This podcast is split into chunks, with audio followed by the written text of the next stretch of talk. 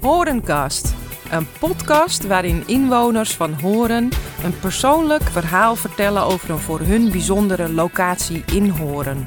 In deze aflevering is de gast Klaas Visser, die iets vertelt over het beeld op de Rode Steen, JP Koen. Klaas, welkom. Mooi. Jij hebt een bijzonder verhaal over het standbeeld JP Koen Jan Pieterszoon Koen, ja, ja. Op de Rode Steen. Op de Rode Steen, het eh, alom bekende en verachte en soms ook geprezen beeld. Eh, ja, dat heb ik, die heeft, heeft wat in zekere zin voor mij betekend. Omdat ik in de voorstelling eh, Jan Pieterszoon Koen gespeeld heb. Oh, En dat was de eerste grote rol die ik ook kreeg.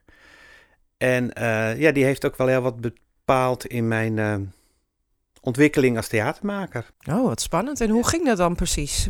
Nou, het was een voorstelling geschreven door Ingrid Dokter onder regie van Lida Thijssen. En dat was op de Karperkuil in een oude lichtmastenfabriek. En eh, we hebben daar uiteindelijk vier weekenden gespeeld, omdat het zo succesvol was. Wat leuk. Met een hele grote crew. Er werd een hele grote zandhoop ingebracht en met een grote tribune. En dat was sowieso een fantastische periode. Om, eh, om met zo'n grote groep dat te beleven met elkaar. Ik weet wel dat eh, de mannen met de première allemaal sarongs hadden gemaakt en aan hadden. Eh, het, de tribune was helemaal, moesten we altijd vol met nootmuskaat strooien, zodat het echt naar nootmuskaat rook. En verder eh, gingen we altijd van die, dat groot hoefblad gingen we plukken, want dat moest dan aan het plafond hangen en dat waren dan tabaksbladeren. Dus Oh, op die ja. manier zat- zaten er een aantal rituelen bij die altijd heel erg leuk waren. Hoe kwam jij aan die rol?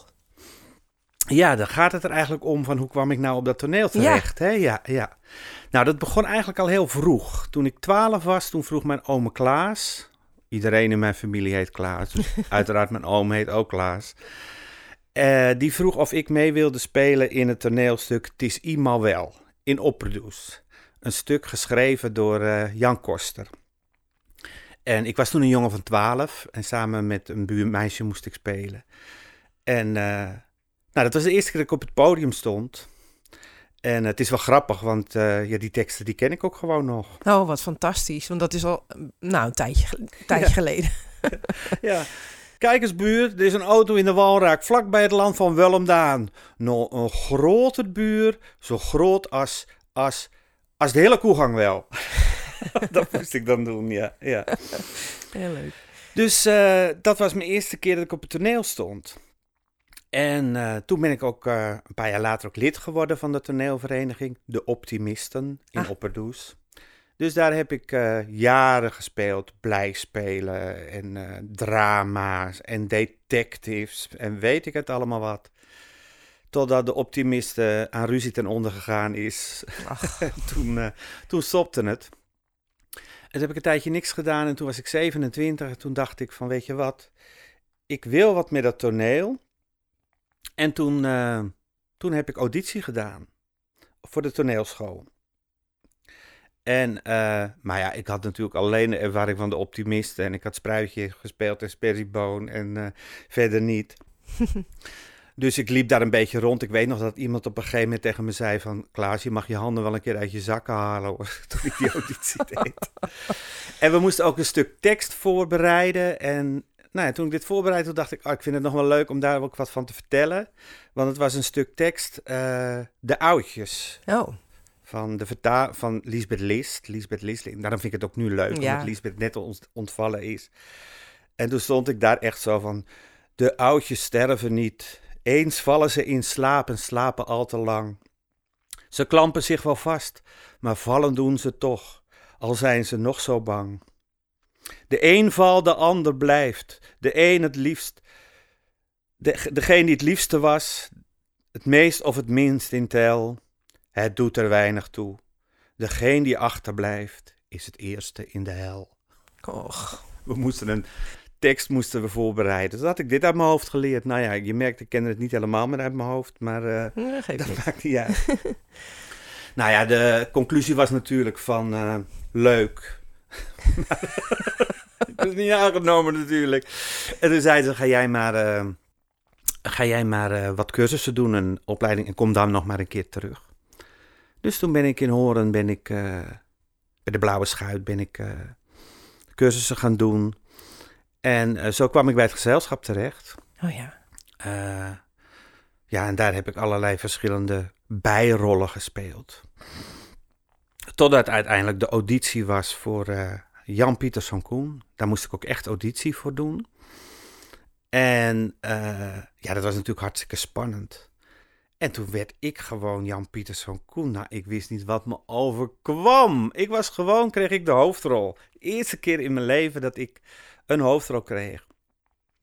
Dus nou ja, wat ik net al vertelde, het was echt een geweldige ervaring. Speelde, het stuk speelde, ik speelde dan het standbeeld. En daarnaast Theo Postma, die speelde dan eigenlijk de Jan Pieterszoon Koen uit deze tijd. Oké. En die riep mij eigenlijk constant ter verantwoording. Vanuit de visie van nu.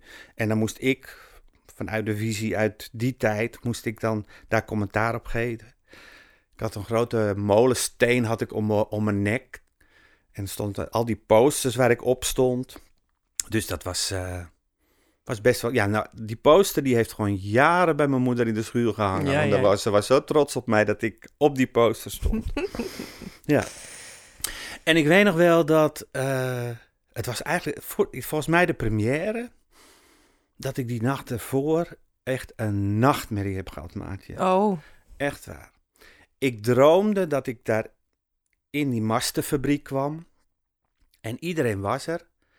En ze zagen me eigenlijk helemaal niet staan. Ze reageerden niet op me. En eh, ja, ja, er zijn wat dingetjes eh, veranderd in de tekst, was het. Nou ja, waar het eigenlijk op neerkwam, is dat ik er gewoon uitgeschreven was. no. Wat een vreselijke nachtmerrie. ja, ja, dus dat, eh, dat vergeet ik ook gewoon nooit meer. Nee, zeker niet. Ja. Ja. Nou, ja, ik denk wel dat, eh, dat dat stuk Jan Pieterszoon Koen... eh, nou ja, ook het ge- gezelschap enorm op de kaart gezet heeft. En is daarna een jaar ook nog jaren succesvol geweest. Maar naar aanleiding van dat ik die rol speelde... kwam eh, een, een collega naar me toe van mijn werk... En die zei van, hey, zou jij geen regisseur willen worden? Oh. In, ja, in Hensbroek. Daar zoeken ze nog een regisseur. En eh, nou ja, ik zei, dat weet ik niet, dat heb ik nog nooit bedacht. Nou ja, vooruit. Ik zeg, maar ik ben altijd zo van, laat ik het dan gewoon proberen. Ik weet het niet, dus ik afgereisd naar Hensbroek. Bij Piet Groot in de tuin zaten we daar, weet ik nog. En de afspraak die we hadden is van, nou, we proberen het gewoon. En als jullie het niks vinden, doen we het nooit meer. En als ik het niks vind, dan doe ik het ook nooit meer. En eh, dus ik ben er aan de gang gegaan. In eh, de Peuterspeelzaal moesten we repeteren. De toneelvereniging Het Viooltje.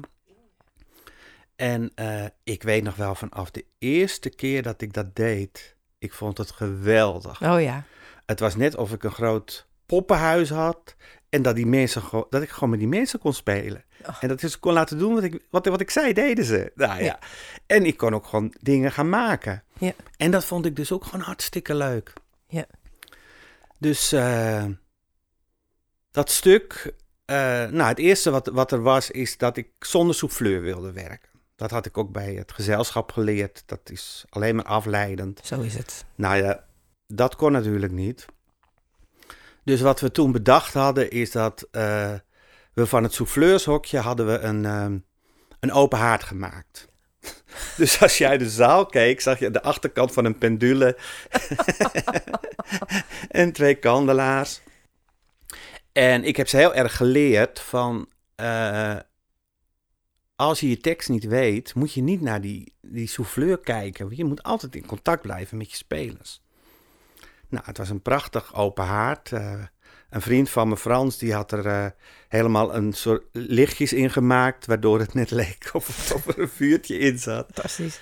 En ik weet nog wel dat. eh, en ik had ze toen verteld van. als je je tekst niet weet, dan loop je gewoon naar de open haard, pak je een blok hout, duwt hem erin. en dan luister je naar de souffleur wat de tekst is. Dus. Het gebeurde natuurlijk dezelfde Piet Groot. Die was de detective volgens mij. Want het was de muizenval van Oh, Agatha ja, Christie die we speelden. Ja. Oké, dat was ik nog vergeten te vertellen. De muizenval van Agatha Christie.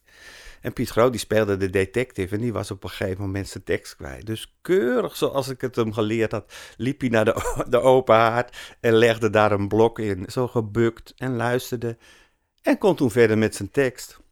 Geniaal gevonden. Geniaal, ja. Behalve dat de souffleuse dat blok hout meteen er weer uitlegde en bam, zo op het podium teruglegde.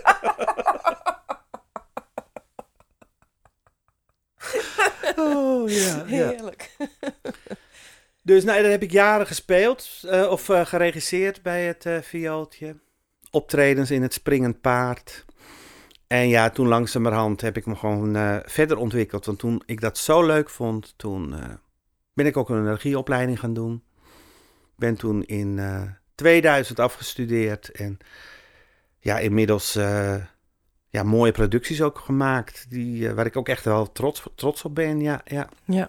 Nou, en ook een beetje door Noord-Holland heen natuurlijk. Medemblik. Ik heb in Medemblik heb ik daar de ehm, op hoop van zegen gedaan Ja. in een ronde haven, waarin de mensen met een boot werden teruggebracht. Dus ik heb echt wel hele mooie dingen gemaakt. Ja.